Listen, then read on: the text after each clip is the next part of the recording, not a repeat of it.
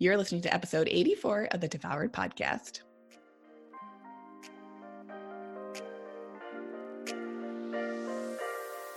Welcome to Devoured, the podcast for women ready to release the title of Dieter for Good.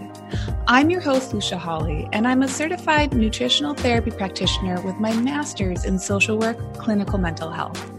I've lost 80 pounds, and I'm on a mission to get you into the life of your dreams without being the woman who is consumed by diet after diet trying to get there.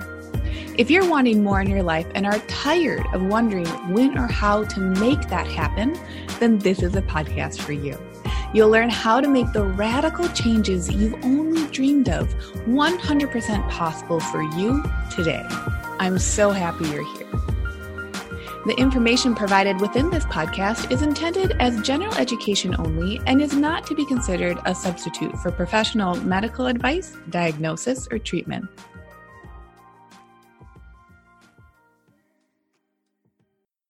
Hey everyone, I am so pleased to have Dr. Brooke Kalanick on the show with me today. Dr. Brooke is a naturopathic doctor, and her areas of expertise include female health, hyperthyroidism, and autoimmunity.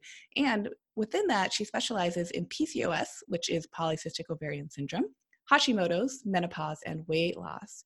Dr. Brooke shared so many amazing, mind blowing facts in this episode as we were recording. And I was like, oh man, this is a this is a good one. This is full of so much information. So if you identify as someone who has ever struggled with her weight, if you feel like your body fat levels do not represent the levels of self care that you really emphasize in your week maybe you're going for the walks right you're you're taking the bubble baths, you're tuning off of, you're hopping off of social media at the right time every night, you're wearing your blue blockers, you're eating these fresh, unprocessed foods, and you feel like something's got to give and you don't know what that is. This is the episode for you. I think you're going to find the information that Dr. Brooke shares with us really, really enlightening and really helpful. So, as always, hit up the show notes, and I have anywhere that you can access Brooke linked up there. And let's get into the episode. Thank you so much for being on the show with me today, Brooke. It really, I'm just very excited to have you here and have everyone learn from your wisdom. Oh, you're very welcome. Thanks for having me. Yeah. So, can you start us? There are, I, you know, before we start the show, I have so many different areas I'm hoping that we can touch on, but I would love to begin with what brought you to naturopathic medicine and alternative health and wellness. Well, like so many of us that do this, it was my own health struggles that weren't being solved by the conventional model, and of course, that was all I all I knew. So for me, um, I came to being a naturopathic doctor and functional medicine after being a pharmacist. So I was very ingrained in that world, um, mostly because I didn't know there was any other way to do medicine, um, but that was what I wanted to do. And so for me, my own health stuff started in high school when I got diagnosed with PCOS in about a you know two minute conversation and my doctor was lovely it just that they're like oh this is what this is um, you know you need to take the pill. And i was 16 so i was like okay. I mean they, they're like this is what you take for this thing. So i did that and then you know it was like well and you probably will end up with diabetes and you probably won't be able to have a baby and see you later when you need a refill on your pill. And so that was kind of what that was like and um, my mom actually had um, adult onset autoimmune diabetes. So hers was sort of a little bit different. She went from not having it to being totally independent, like really, really quickly. So I saw that as a you know option for my sure didn't didn't look so good.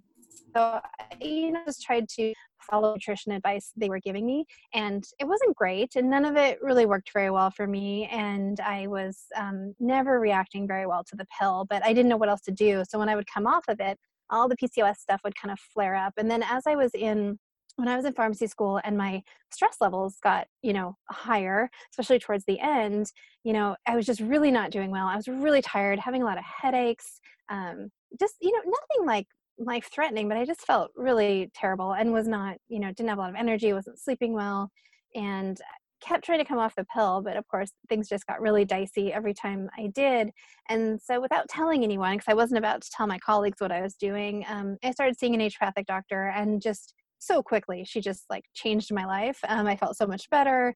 I had so many more tools. I learned how to eat better. Um, so all of those things really helped kind of start me down that path. And after I had a couple of experiences with her where she like rocked my world and changed everything, I was like, this is what I need to be doing. So I sort of jumped from one system of medicine to the other and started over in school at um, Bastyr. And then the strength training piece of it and some of the exercise stuff sort of just came about as I felt like even within my profession, we were doing a really good job of holistic stuff on many levels. But at least when I was in school and when I was first starting to work with people, the exercise advice wasn't great as coming from a natural perspective there was walking and yoga and things like that and we weren't really learning you know still kind of from like cardio uh, days there in the late 90s and so when i started learning more about strength training and using that as a tool um, in my own life and started to use it more with my practice, it kind of all synced up to the work that I do now, which is sort of the and then I guess you do it for long enough and you realize that mindset is just a huge piece of this. And now I feel like I really help women kind of on all those fronts, whether we're doing the functional medicine stuff for their hormones, what they need to be eating, how they need to be exercising, including walking and strength training in there. And then, of course, how do they do all of that stuff and feel good about it in because that kind of came from my own history of just dieting and hating my body and always feeling like i needed to lose weight that sort of became um, a bigger piece of my work as far as the mindset stuff goes. Mm. so with your journey then i'm curious to hear was there any moment in particular or was it just almost like leveraging time in exploring okay i'm eating differently now i'm incorporating strength training.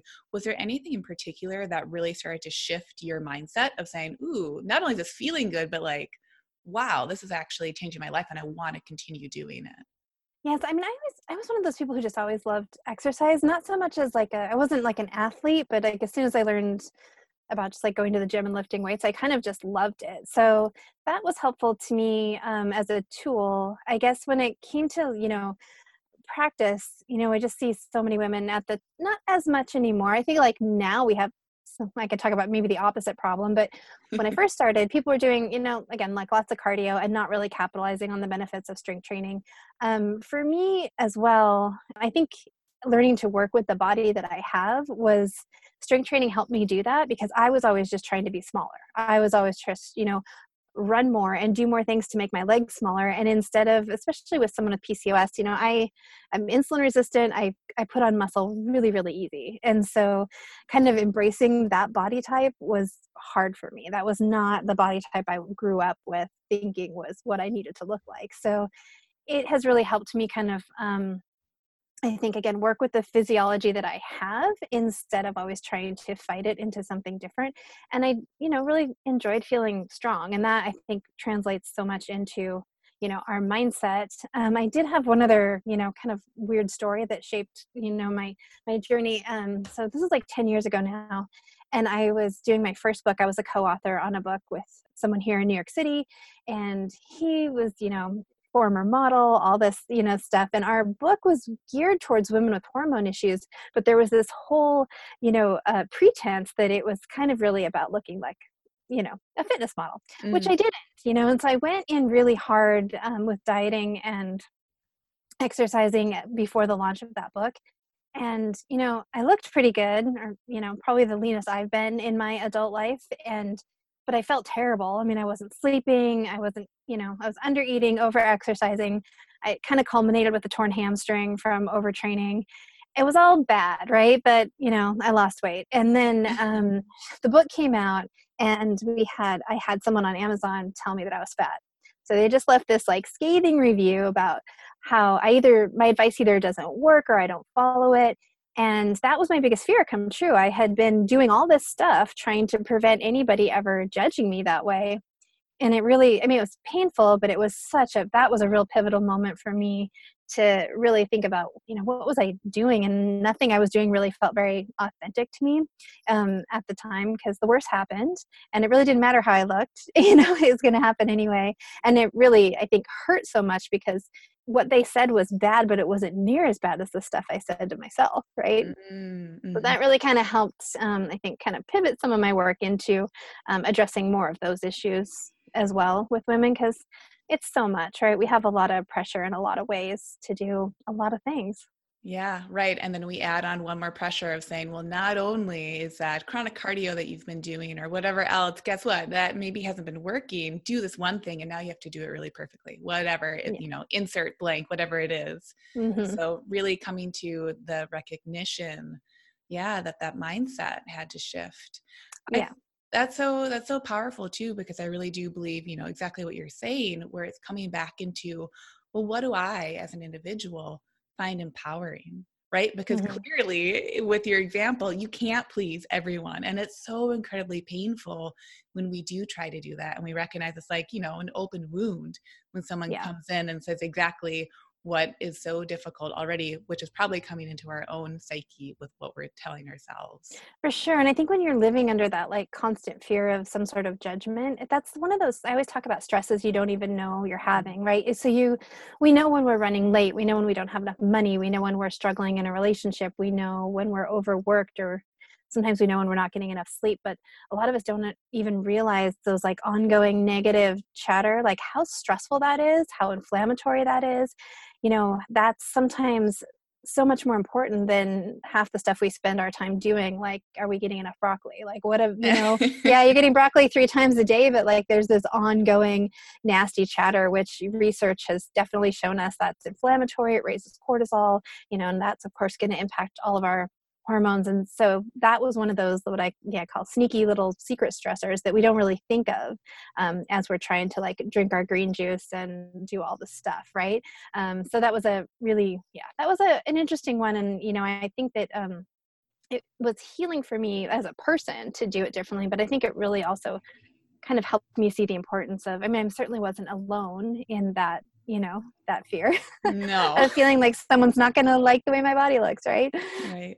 So then with that if we stay with that example for a minute of your experience was it simply having that deep hurt come to the surface that then because what i'm hearing is that you had this moment where like the filter was taken off, right? Or this story that was kind of like going through your head that maybe wasn't as conscious came into consciousness. Was it simply that experience of the deep hurt that then shifted and helped you come into this mindset?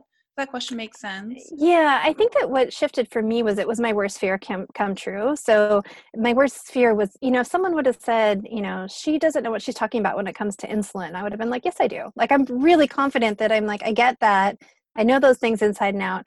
But for someone to say that, I'm like, you know, that was already this thing that I've carried since childhood. So it came true. And I actually use this as a tool with people. Like when you're kind of wigged out about something, go to the worst case scenario and if that happened could you handle it? It immediately lets you de-stress because you're like okay it wouldn't be great it wouldn't be fun certainly not ideal but would i survive? Yes. Can i look at myself and say okay i've got the resources to get through that. I hope that doesn't happen. And so for me it really was like my worst fear come true. And so i realized the craziness i was doing with how i was exercising and eating it didn't prevent the worst from happening anyway. Mm-hmm. And then also, I felt like you said, like, kind of lifted this filter or veil. Was like, okay, I'm out there now. Now I'm this person who's been called fat on the internet, and I'm going to have to own it. I'm going to have to talk about it. And so instead of pretending like I was someone who looked a certain way or met a certain criteria, I got to quit pretending that and just say, this is what I look like.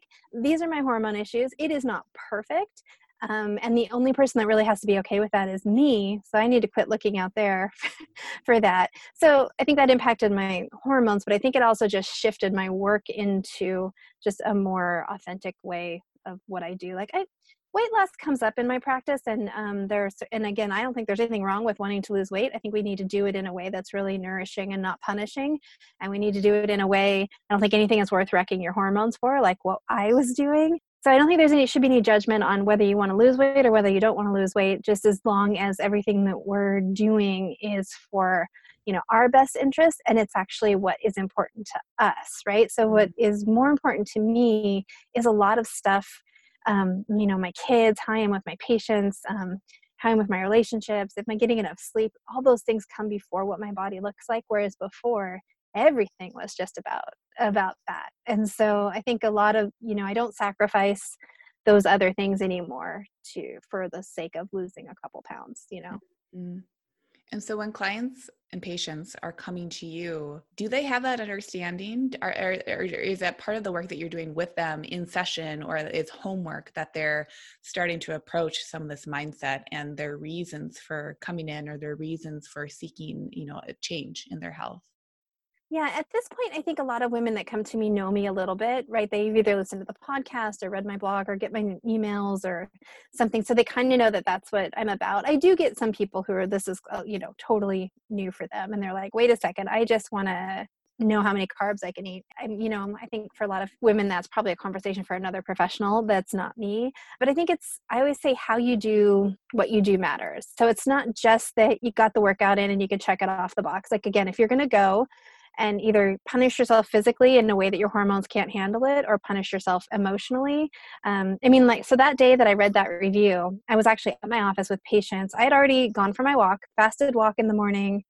I don't remember what I'd done, but I'd already been to the gym. I think I lifted. And so I read this review. It's like seven o'clock at night when I'm walking home. Guess what I did? Went right to the gym.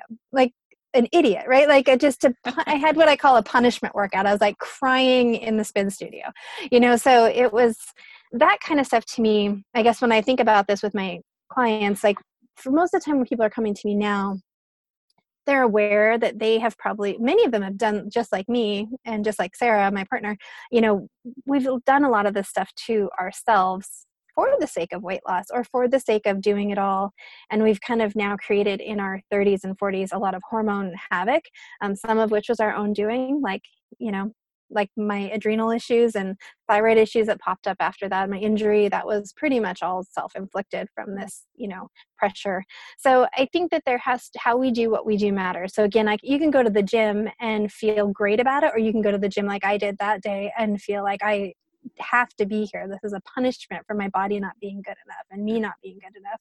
And same thing with food. You know, I always say like two girls can go gluten free and one and say they both feel better. So and then just using gluten as an example of a common problematic food, not for everyone. But two women can do that. And let's say they both feel better and one can feel like this is amazing. I feel so great that i have this information that just this simple food switch i avoid this thing and choose something else helps me feel so much better and they feel empowered and maybe sometimes it's annoying but their overall experience of it was i'm so grateful to have that information and to have learned that and i can make some adjustments in my lifestyle to to stick with this. Someone else while they physically might feel better you know just feels super restricted and feels like this is unfair and it's not worth it. So again they're both having an experience of their physiology getting better but how they do it. So if one of them is like choosing gluten free bread over regular bread and feeling good about it, and one of them is doing it and hating every second of it, you know, guess which one is going to be healthier? It's definitely not the person who feels they're probably not going to be able to stick with it.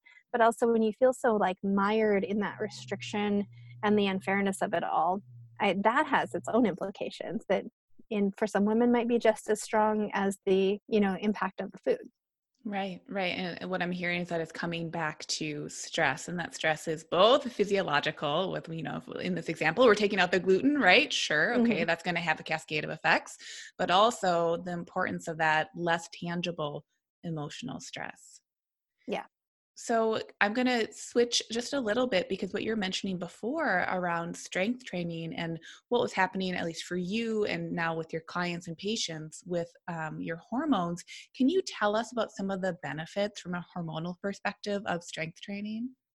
Yeah. So one thing to remember when you're women thinking about like your body composition, your muscle mass is like the seat of insulin sensitivity. It is your metabolically active tissue. And I think there is, you know, some concern. I think we still have this kind of idea that if women who, are especially when they're new to lifting weights that it's just going to instantaneously make this body change into like some you know body that we're not necessarily looking for. And we have to remember that that kind of muscle gain usually takes some really dedicated nutrition and training work. So kind of like uh, you know aside from like those fears just thinking about you know having muscle on your frame is important for your bones it's important again for insulin really really important for um, especially if you have any issues with insulin sensitivity but for all of us i mean that's what's going to use the food right? For the most part that's the bulk of that's our metabolically active tissue and as we age we naturally lose it just it naturally declines. So the more you can keep up with strength training you know the more that's going to help that hormone.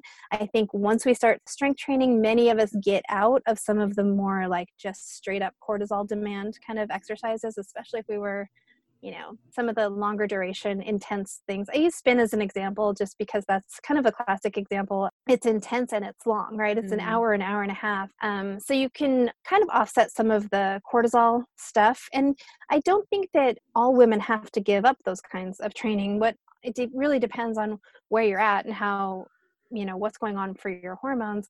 But even if you are doing great with your hormones i think, still think hormonally strength training is a real adjunct um, helps you build new mitochondria. We know it improves your brain function. It can be anti-inflammatory. Of course we can do it wrong too right? We've got a lot of really intense strength training programs out there. You know crossfit has been an interesting one that way so we can do it wrong too. But yeah hormonally it is really really important. And i'm mentioning insulin and cortisol as far as hormones go but and they're not new or fancy. I always say they're like the least sexy of the hormones. And as women, we really want to talk about estrogen and progesterone. Yeah. Um, but they're really important metabolic hormones that are going to have a ripple effect across everything else. While they're not new, they're not exciting, they're not the keto diet, they're not something intermittent fasting. I mean, those things actually work on those hormones, but um, going back to just like balancing your blood sugar, managing your stress, make sure you're exercising appropriately, not too much, not too little,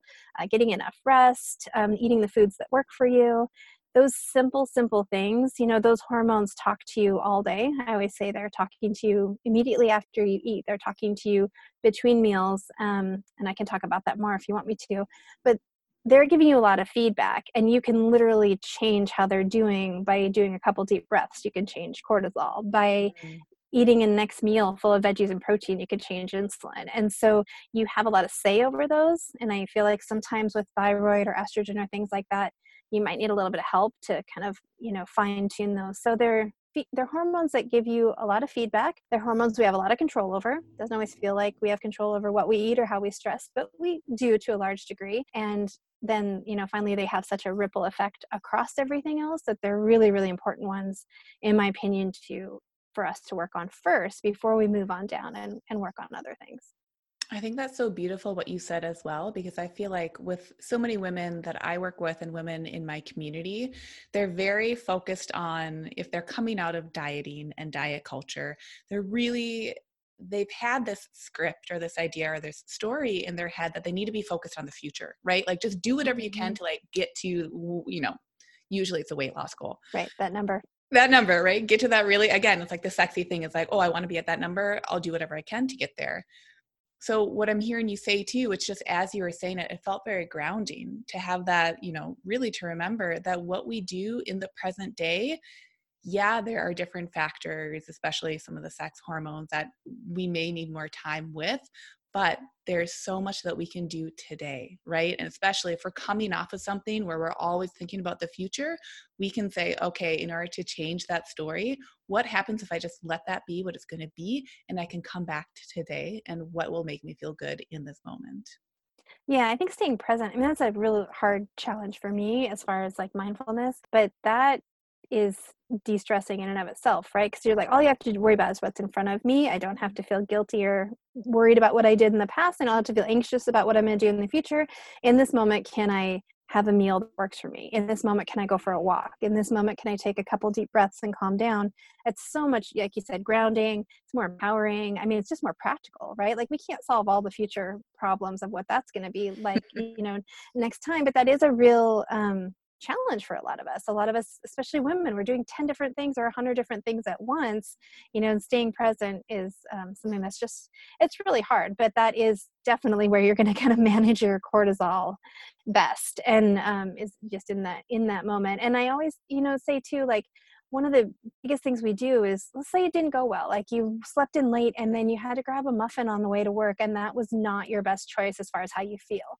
So now instead of just letting it be a muffin and getting you know then we start beating ourselves up. We start worrying about like well now i'm having like sugar cravings after i had that and oh my gosh i'll just i'll try again tomorrow. And you're like well tomorrow's friday so let me try again i'll just try again on monday. And so we let this little muffin this is just a muffin turn into four days of like beating ourselves up eating food that doesn't work for us feeling like you know we just do this whole thing instead of saying in this moment what can i do right like in this moment and food wise we can always kind of make the next step more balancing to our hormones you know and again muffins happen right for whether you whether you chose it or you had to because there was nothing else and just let it be what it is instead of all that other stuff that we add to that story Oh, I love that. Muffins happen. Muffins happen. muffin happen. And as well, you know, in that scenario, sometimes the muffin can, in my experience, it can be the, the better option than nothing, right? Mm-hmm. Sometimes it is. It's like, let's just see what happens if we allow it can actually be a really beautiful practice to say, ooh, what if I'm going to bring this thing in that, as you're saying, could or has historically brought on a whole cascade of like shame right. and guilt and blame and all that emotional stress just gets triggered from that one yeah. small choice. Well, I always say be curious instead of critical. Like mm-hmm. if it mm-hmm. happens, okay well what could what could i have done and let's say it doesn't work for you it makes you feel worse sometimes it's good to eat food that doesn't make us feel good to remind ourselves why we go through all the trouble to eat this other way right sometimes that just can feel like a real drag and then you're like oh yeah because i don't like feeling the way that i feel right now um, and I, am going to fight sugar cravings all day because so for me if i had straight up out of the gate had like a muffin then i'm going to have carb cravings all day that's just what my blood sugar is going to do so when if that ever happens i'm just like oh i love it when i have more mental space to not be worrying about fighting a craving, you know, so I can kind of let it be what it is and it's a reminder. Or maybe you're sensitive to dairy or gluten and you have that. And you're like, now I feel like my stomach hurts. I feel brain foggy. I feel, you know, all that stuff. And I feel so much better when I don't feel like that. So you can use it to just as an affirmation of like all those other things that sometimes feel hard, they're totally worth it. Or again, maybe you can say, you know what, it wasn't just one muffin. That's happened four or five times in the last two weeks. What do I need to do to support myself better with my schedule or getting up a little bit earlier or having more groceries at home so I can, you know, so again being curious instead of critical like what happened? If it's and then no too sometimes you're just going to make that choice and it's really okay and you just got to get you know back on with your day Right, right, right. It's taking it out of that shame and into, yeah. like you're saying, curiosity. I'm also, you know, we talk a lot about like what we're feeling, right, as ways to embody on this show. What am I embodying in terms of my stress? So when you were saying that, I'm a really visual person. So I was just imagining more of it's more expansive to be curious, right? Mm-hmm. It allows us to shift from having more of that tunnel vision of stress to say, oh, yeah, yeah, yeah this has happened five times in the last two weeks and maybe one time felt okay the other time oh this is actually a pattern. I no longer want to engage with and i see this instead of saying ooh I was bad. Right. Let me go I, do another spin class to burn it all yeah. off.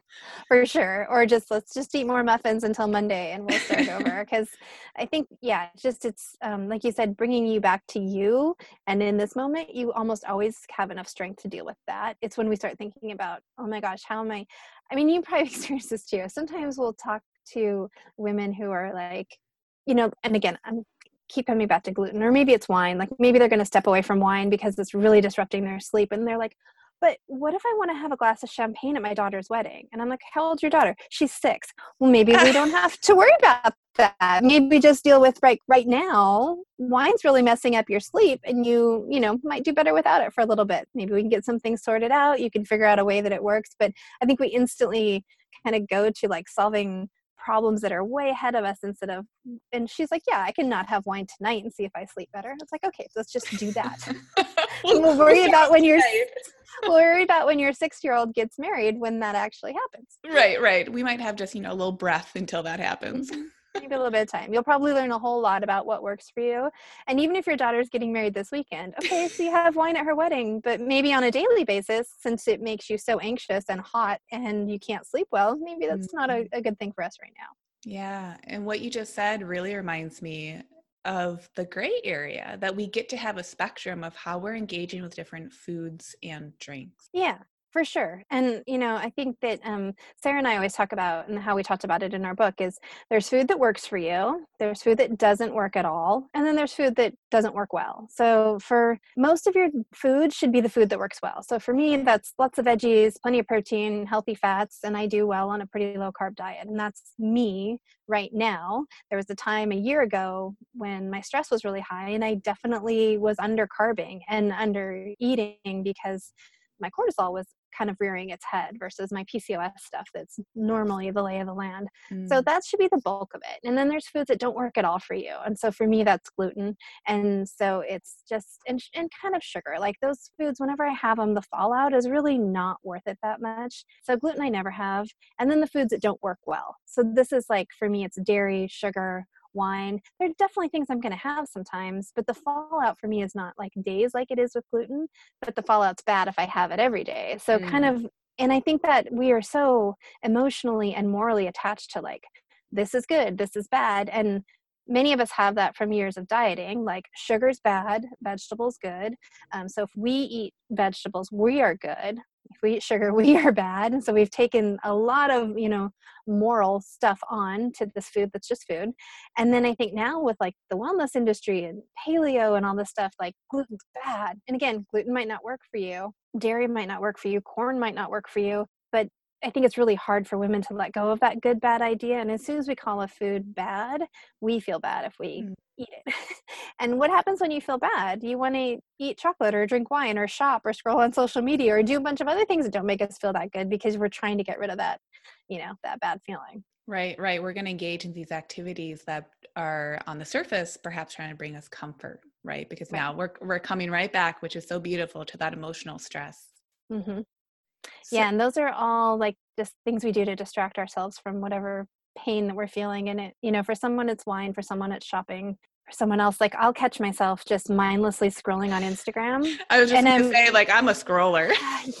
And i'm just looking at everybody feeling bad and comparing myself and as soon as i feel myself doing that i'm like put the phone down and like what what bad feeling am i trying to get away from? It's almost i've heard it called pain sourcing when you're mm. doing that looking like literally looking for someone to compare yourself to to just give more evidence that how you're feeling right now in this bad moment is absolutely true. So, you know, some of that we just had to kind of get to know yourself of what do you do. And again, some people eat sugar, some eat, some drink wine, some shop, some pick a fight. You know, there's lots of things we do to distract from that emotional pain that we don't really want to deal with. And will you tell us a little bit more about what's in your book? I know it's released sure. fairly recently. So tell us a little bit more because I think, you know, what you were mentioning before is really, really important because it's touching on that nuance. Yeah, so Hangry came out in June of 2019, so it's only been out for a little while. Um, when Sarah, so Sarah Fragoso is who I do my podcast with and who we wrote the book together, and we met at a conference, gosh, now six years ago or so. Wow. and just our nutrition philosophy our strength training philosophy those things really kind of like jive together and we were like oh we got to work together and we just liked each other so we got to do something. And as we kind of started putting it together we start with this like paleo mediterranean kind of plan. We help women customize it because some of the things for me that fall apart on paleo for women are not understanding how some of those paleo allowed carbs affect their blood sugars, so like sweet potatoes. So, helping you take that a step further and fine tuning what you need to do for your blood sugar past, you know, that paleo template making sure it's got lots of veggies that's another thing that i see and i can fall victim to myself just like eating protein and not having any vegetables and then paying attention to the quality of and amount of animal fat because for some women that really messes up their estrogen like there's a lot of endocrine disruptors in our environment they're mostly fat soluble so those can end up even in the body fat of our quote unquote healthy animals like grass fed beef just because they are fat soluble, they're in the water, they're everywhere, they're in plastics. So that was kind of our template plan for that. And then customizing it kind of as you go based on how your hormones are doing. Same thing with the strength training. We really wanted to put together a strength training template that gave women a place to start that they could adjust for their hormone issues because you know, we can't just tell someone, you know, Sarah, you know, was really good friends with Robb Wolf before he was anyone. She started training at his gym and became like overnight success story with how well she did and then started doing this herself. But, you know, there's lots of variations of weight training and some of them are not going to work for every woman's hormones. So someone might do really well on that type of training. Someone with low thyroid or lots of inflammation or low cortisol, they're not going to be able to get through those kind of metabolic workouts. So then they're told, we'll just go for a walk, do some yoga, and then they're going to miss all the benefits of strength training because they didn't do it in a a way that it could actually help their hormones. I always say exercise is powerful medicine. We're either going to use it to help our hormones or we could very easily, you know, mess them up. So we put together the nutrition plan and the strength training plan and again there we teach it to, you kind of walk through it in a way of like either because you have some testing or you take the quiz in the book and you get an idea of how you're doing on those big hormones and then follow what i call the hormone hierarchy. So addressing all the strategies that apply to low cortisol and low thyroid first then high cortisol, then insulin resistance, and then any like nuances for training, like with your cycle or things like that um, mm-hmm. when it comes to estrogen and progesterone. So that's kind of the meat of the nutrition and exercise plan. But we also really wanted to teach the mindset stuff. So we have kind of two ways that we did that. We definitely advocate everybody meditate a little bit every day, pick a mantra that you can kind of go to throughout the day. And then we created what we call our five pillars. So there's sort of five perspectives to sort of live your life from. These are by no means things that are going to be mastered by the end of our four week plan. I mean, Sarah and I really we were saying recently on the show like we've really been living from these five pillars for about five years mm. and still get them wrong all the time so you know those are the first one is you know find and commit to what works for you so again like what foods work what what ones don't how do you need to exercise and that pillar we kind of hone throughout the book because you really are kind of figuring that as you go working on what works for your blood sugar etc and then um, the next one is opt out of overwhelm. So getting back to what do you need to do to get everything you want to get done in a day? Not everything you think you need to get done but like what are what are your real priorities? Is it being a good mom? Is it being good at your job? Is it making sure you move your body? Is it you know being kind to yourself and putting those real core priorities at the top of your list instead of at the bottom which is what most of us do. Most of us are doing like the busy work and the laundry and you know all that kind of stuff cleaning our house. So opting out of overwhelm comes with tools like practicing gratitude again learning to say no being a little bit more un, you know guarded of your schedule in a kind way um, and even with us adding you know all these new things with this program we felt like we're giving a woman who already feels worn out and overwhelmed more things to do. So we gave you a lot of tools and some of them one of them is before you take on all the stuff we're going to talk about with our habits something's got to go. And maybe mm-hmm. it's folding laundry or maybe it's an obligation that you need to you know share kid transportation or something because that we do that right? We go on to a new plan and we added five more healthy things and maybe they're healthy maybe they're good things for us but we didn't take anything away. So of course that's not going to go very well. Um, the third one is full engagement living which is just everything you and i were talking about. Like how do i be fully present in this moment whether that moment is good or bad? Um, the next one is being your best friend. So that's what i always say you know that voice in your head are we going to be our best cheerleader or our worst critic? And then the last pillar is be who you are. So a lot of women I work with, especially as their kids get a little bit older and get a little bit more independent, or they reach a different stage in their marriage or a different stage in their career, and they're just like, I don't even know what I like anymore. I'm like, I know how my boss likes his coffee in the morning. I know what my husband likes for breakfast. I know how my kids want X, Y, and Z done. I don't have a hobby anymore. I used to love these things. I don't even in getting just back to doing some things for play, just for like the sheer joy of it, no means to an end. You know, I think a lot of stuff we do, it just gets undone immediately, right? You do a load of laundry or and the clothes you're wearing are dirty. You right. do dishes and the thing you're gonna eat in a half an hour is dirty. And we don't do a lot of things like paint something or have a conversation or make a memory or read to our kids or you know play the piano something that's like i just did that because it makes me feel good and it makes me feel more connected to who i am and as part of being who you are it comes a lot with the saying no to things that you don't want to do and we just really really struggle with that as women. I think we think we need to be all things to all people all the one all the time and then look good doing it right? So do it all. No pressure. Yeah we wonder why we're we're so stressed out and our hormones are, are frazzled. So that's the book kind of in a nutshell with teaching you know a really comprehensive approach to figuring out what's going on with your hormones how you should eat and exercise to help them nurture them get them healed so you can you know maybe get back to doing like if you're somebody who loves cycling or loves CrossFit, hopefully you can heal some of those issues and maybe get back to some of those things. Sometimes you can't, you know, sometimes it's just that just doesn't make sense for what the other things going on in your life. And then teaching that mindset perspective to help you do all those things in a way that feels really good. Mm.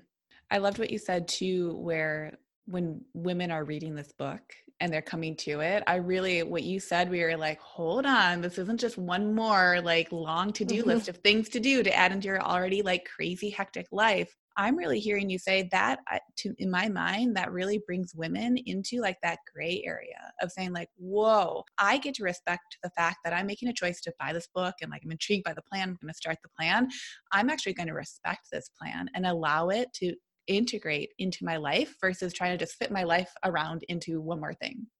Mm-hmm. Oh, and that's what we've always done, right? Because that's what you're told. You're like, this is the plan. This is this is Weight Watchers. This is you eat this food on Jenny Craig. You do.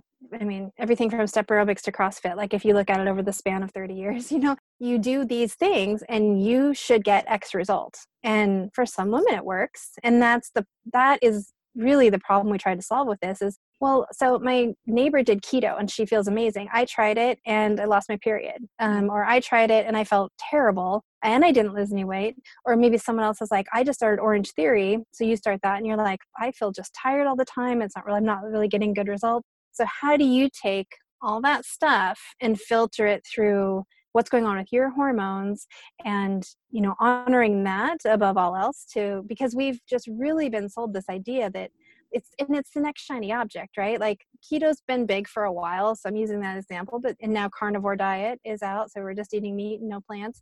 And then there's just going to be like it'll be the next thing right? And it's not even that like the ketogenic diet's a good example. It's not that that diet doesn't work and it's not that that diet doesn't make sense and it's not that it doesn't lower inflammation and it can be really really great for insulin resistance. You know brain fog running on ketones for your brain once you get into that can you know it alleviates hunger for a lot of people so they don't have so many cravings. Great for belly fat all that may be true if you don't have really low thyroid really low cortisol and you can't ever even get into that state. So i think it's so hard for women right now because they have so much information but you're told um, everything um, is going to work for you and then you just sort of don't know you know what to do. And again you're kind of confused by what's wrong with this advice for for me. And so having to just look at everything and be like i'm interested by that but i have taken the time to know this is what my hormones are telling me. These are the hormone issues i've got going on right now. That's not going to fit well for me right now and it might in you know six months a year. It might never be a tool that works well for you.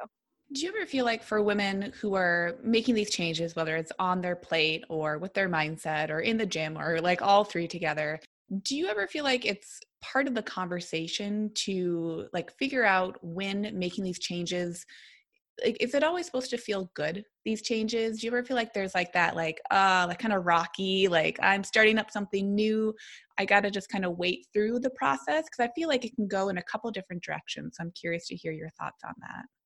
Yeah i think that part of what we want to do is like ask ourselves why it feels bad. So i think physically if you went on a new plan and it doesn't physically feel good to you that's probably something with the plan not working quite well for you keto is kind of an aggressive example of that but like for the most part you know like let's say you just cut out sugar and so now you're two days in and you're like i just don't feel right. So there's some something to that of like you might need to work a little bit more with your chemistry or you know we might need to think about some nutrients that could help you balance your blood sugar as you're shifting to a, like a more protein based diet or whatever that might be. So sometimes it's physical and that's usually either your body's just adjusting and keeping in mind like your body keto not so much but like just like say coming off sugar or changing some of those things or eating more fiber that should kind of sort itself out within a few days to a week. Keto can be a lot harder for women to get all the way into that because it's just such an extreme shift. If it feels like mentally bad again like ask yourself like why does this feel bad to me? Do i feel again do i feel restricted? Do i feel like this is unfair? Um, i know i spent a lot of time feeling in my younger years like it wasn't fair that I had PCOS. Like it's not fair. My friends can do X, Y, and Z and they don't have to exercise as much and they, they're skinnier than me, like all of that stuff. And that didn't really have anything to do with anything other than I was deciding to be stuck in the unfairness of it. Mm. And I mm. always say it's true but useless. Like, is it true that it's unfair that I have to work harder than someone else? Yeah, I would say that's probably true. How does that help me? Like if I stay in that place, it's true but useless. Like it doesn't help me do it better. It doesn't help me be more successful. It doesn't help me feel better. And so asking yourself kind of what's hard about this. If it's just that it's new, like this is just a new way of eating and I don't know how to cook this kind of food and I'm not clear on um, what I could eat if I cut something else out. That some of that is just like anything that's new, right? Or maybe you're just starting in the gym and you feel a little silly in the weights because you're like, I don't know what I look like. I am not, you know, I don't look like I belong here. I don't feel like I belong here. I'm not sure what how to do these certain things or these certain exercises. Sometimes Sarah and I will suggest something, and people are like, I was really embarrassed to do that, like the hip thrusters in the gym or whatever. Yep. yep. or like a bear crawl or something. And yeah. so I think some of that is asking yourself, like, is it because it's new?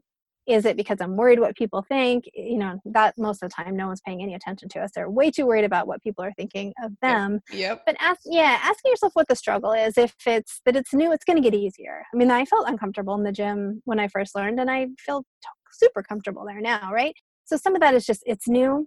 And again but if you feel like this is you're struggling with what I call like the misery makers. So mm. comparison, mm. the unfairness, deserve is a really tricky one. Like many people are like, well, I did so good all week, I deserve a treat. And then I always say like, you can have the treat or not. And it's not really about you know that you deserve you deserve to be you feel good that's probably the one thing i could say we all deserve is to feel good yeah. um so i think in, just and it can be really hard to be honest with ourselves right about what's really going on. It's a lot easier to feel stuck in those bad like again misery makers. There's just nothing good comes from unfairness or comparison or any of those things. So asking yourself what's going on and taking the time most of us want the quick fix right? It might take you a couple weeks to unpack why you hate meal prep. Like maybe that's mm. something that really works. Like maybe i you know a lot of people are like I do really well if a couple times a week I batch cook a couple things, if I like take my supplements out and kind of organize them for the week. Other people don't, that doesn't matter. They're fine doing it day of. But if that's something that helps you, but you hate it, ask yourself, why do I hate that so much? Is there something I could do to make it less painful if it's something that works? But most of us don't really want to take that time. We just want to follow the plan, get the results, and move on to the next thing. Yeah. And maybe we don't want that time because we're feeling so darn overwhelmed, right? And we're not allowing ourselves to really stop that overwhelmed cycle and say, oh, this, I get to approach this a little bit differently this time. Yeah. There's not a lot of things we have control over and we 100% always have control over how we decide our perspective to take on a situation mm. and that's kind of hard to hear for some people because it's like well no i'd really rather be mad because then i don't have to or i'd really rather be frustrated or i'd really rather blame someone else but that leaves us really powerless so you know it can be a bit of a hard adjustment to start living from that place but once you do you just have all the power in the world about yeah. how I'm going to approach this. Because again, we two women can do the same thing, and one feels good and one feels bad, and the only difference was their outlook on it. Right. It changes that perspective. And yeah, once you get a taste of that empowerment too, because what I'm hearing is coming back to empowerment, right? And validating yourself, maybe starting to invalidate that victim story and where it's kept mm-hmm. you if you want to be going somewhere else. I think that's hugely, hugely powerful. Yeah, I had an interesting patient when I first moved to New York that um, she was, we were about the same age. She had terrible reflux, um, lots of digestive stuff, tons of eczema, all kinds of skin stuff. Um, her reflux was so bad that she's paying for a trainer, but when she'd go to the gym, she couldn't even do a push up because the, you know, being prone like that just made the acid so bad and then she was like felt miserable for the rest of the night and this was even on acid blocking medication so it was just she was not doing well it took me a really long time to convince her to like take some things out of her diet, gluten being one of them. Um, in four weeks, skin completely healed, 15 pounds of you know inflammation, water, weight, reflux completely gone. Um, and at the end of it, she's like, "I feel amazing, um, but this is too hard. I don't want to live this way." And so she went back on gluten. All her symptoms came back, but for her, at least at that point in her life, you know, her perspective on it was um, this feels restrictive and i don't want to do it even if i get these benefits. So you know i think that um, as providers that's frustrating because you know i'm like oh my gosh inflammation like this is so bad. Um, but truthfully that's where she was and you know so it's like that's um, there's no supplements i can give you that are going to give you those same results right? So you're just that's money you're just kind of throwing away on stuff. But we really do just have to kind of answer those questions like what is that why would i rather physically feel bad mm. you know than figure out because I've been gluten free for oh gosh, like nine years now. It's like it's not a thing. I don't struggle with that at all, but I did in the beginning, you know, because it was new, and you have to learn those those things.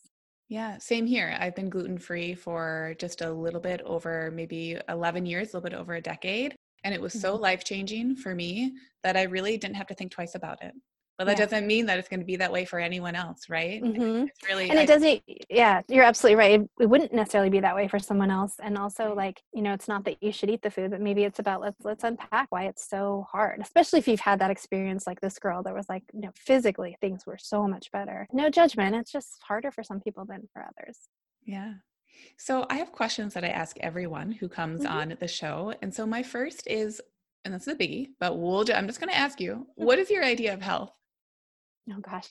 Um, so I would say, I think right now we've kind of got this idea that everybody, it almost feels like health and wellness is a competition or a race. Like everybody is supposed to be, you know, and like the idea of longevity, like hacks and stuff we can do to like, you know, I don't know. It seems kind of crazy to me. That seems stressful. And that seems like another way we can just come up short. So I guess to me, health would be, I don't know, maybe like a percentage of like 90% you know, of yeah. like, you know, my hormones are in really good balance. I'm able to do the things that I want to do. I'm able to live my life with a relative amount of discomfort, even if I can't be perfect all of the time. Because I think that that keeps a lot of people from hitting 90 or 95% because they're like, I can't do 100. Like, there's just, I can't. Either there's like things they don't want to do like maybe they're not willing to do every single thing and that's fine you know maybe maybe in time you will be um, but that keeps a lot of people from can, since they can't be perfect, then they just, you know, I would say when you can't do everything, don't do nothing, at least yeah. do something. I think that that idea of this perfect wellness, perfect health, if that's the goal, a lot of us, especially if you've got a chronic condition like Lyme or PCOS or something, maybe you can't hit 100%, but if you can get yourself to a place where, again, you get to do the things that you love, you have a zero to, um, you know, maybe a low level of discomfort and you feel happy, I would say that's, that would be my idea of health. And what is your idea of happiness? Mm. um, kind of probably the the same thing. I mean, to me, my biggest source of unhappiness comes from the stuff I'm doing to myself. Mm. So my idea of happiness would be to be giving myself a break, being my best friend. As I always say, you know, as part of like being who you are, is just being brave enough to say what's true for you. I think a lot of us are so scared to have important conversations because, you know, we're afraid of how it might make someone else feel or afraid what they're going to think of us if we if we say that. And we need to be loving and kind in doing it but also just like i said feeling confident to just be who you are whoever that may be. Mm. and then what is your favorite word? Mm. oh my gosh um that's a tough one. I think that really depends on what what mood i'm in. Um oh my gosh um i don't even know. Um Sorry, you stumped me on that. no worries. I asked the question, and for me, I feel like the word changes like every week. Yeah, yeah. I think it would for me too. Um, my New Year's like resolution, kind of like my phrase for the last several years, has been "own it."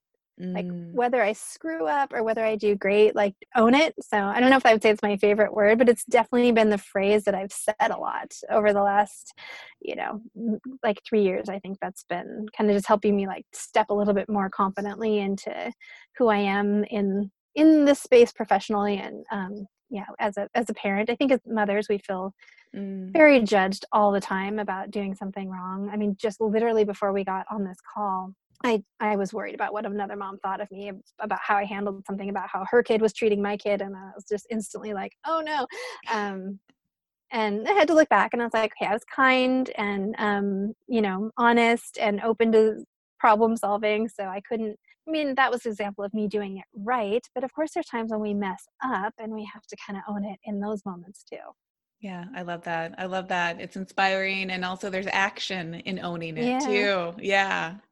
Yeah i think it was 2017 maybe 2018 that was my new year's resolution and i'm just kind of like hung on to it it's written on my on my board back here. yeah it's good it'll it'll last through the years and the different mm-hmm. events and like you mm-hmm. said through you know professional relationships as well as just part different parts of your life yeah. so i'm going to link everything up in the show notes but can you tell people where they can find you online yeah, so my website is betterbydrbrooke.com. And if you are, you know, want to become a patient or find out more about my practice, that's where you would go. Um, and on Facebook and Instagram, I'm also Better by Dr. Brooke. Um, spend way more time on Instagram than I do on Facebook. I don't even bother with Twitter anymore. Um, and my yeah, um, and my podcast is the Sarah and Dr. Brooke Show, and that's everywhere you get your podcast. And Hangry is the name of the book, and you can get that anywhere you get books. Love that. And how many of us have experienced being hangry before? Yeah. the best book title ever. I know. I wish I could take credit for it. Our original title was Too Tired to Be Happy, mm. which is good. But yeah. our, age- our agent came back at us with the hangry and the hangry bitches and all that stuff. And that's what their job is. They, they really nailed it. That's amazing. Well, thank you so much for taking the time out of your day and hopping on the show. This is just such a information-packed episode that I'm sure that, you know, community members who listen to this episode, they're going to re-listen to this one because it's just packed full of so many goodies. Good, good. Well, thank you for having me. Yeah.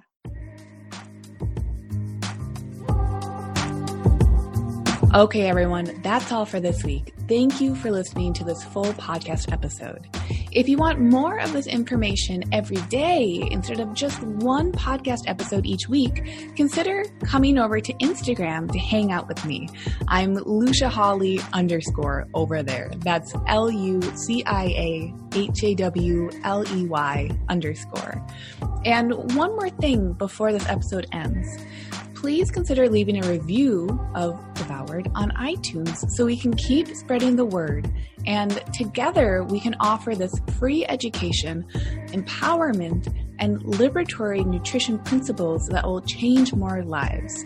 If you're someone who likes to empower other people, then please consider sharing this podcast with friends and family. And by leaving a review, it makes a world of difference.